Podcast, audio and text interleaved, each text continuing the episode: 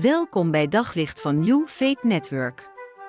Luister elke dag naar een korte overdenking met inspiratie, bemoediging en wijsheid uit de Bijbel en laat Gods woord jouw hart en gedachten verlichten. Als student woonde ik in de Bevrijdingsstraat in Wageningen. En daar, in die straat, is 74 jaar geleden door de Duitsers een document ondertekend wat betekende dat Nederland vanaf toen een vrij land was. En dat vieren we dus ook al jaren op heel veel verschillende manieren. Want vrijheid is een groot goed. Het is niet vanzelfsprekend. In de Bijbel kom je het woord bevrijding ook heel veel tegen. In het Oude Testament is eigenlijk het verhaal van Israël die uit Egypte wordt bevrijd een enorm belangrijk verhaal.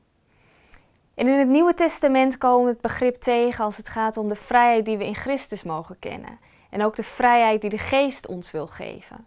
Bijvoorbeeld in 2 Korintiërs 3, vers 15 en 16. Tot op de dag van vandaag ligt er een sluier over hun hart, telkens als de wet van Mozes wordt voorgelezen. Maar telkens als iemand zich tot de Heer wendt, wordt de sluier weggenomen. Welnu, met de Heer wordt de geest bedoeld. En waar de geest van de Heer is, daar is vrijheid.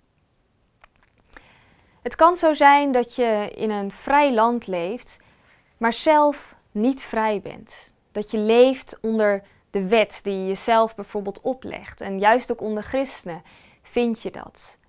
En dat is natuurlijk heel triest, want de Bijbel wijst ons er juist op dat we in vrijheid mogen leven, dat we van genade mogen leven.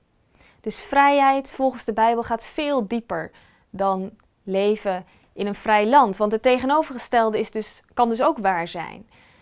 Je kunt in een land leven waar geen vrijheid is, maar waarin jij je geestelijk wel vrij voelt. Waarin je beleeft dat je een burger bent van Gods koninkrijk en dat de geest je vrijheid geeft. Ik moet ook denken aan het verhaal van de acht Franse monniken die leefden in Algerije. Zij hadden daar een klooster en ze verzorgden de mensen daar, want er was opkomend islamitisch terrorisme dat zorgde voor veel problemen. En ze besloten om niet terug te gaan naar hun vrije land, Frankrijk, maar om daar te blijven. En uiteindelijk zijn ze ook opgepakt en vermoord. Ze kenden een diepere vrijheid in Christus en daarom waren ze bereid om hun letterlijke vrijheid op te geven.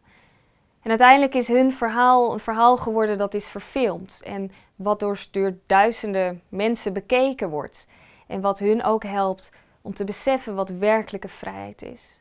En mijn gebed ook voor deze bevrijdingsdag is dat we mogen beseffen hoe fantastisch vrijheid is.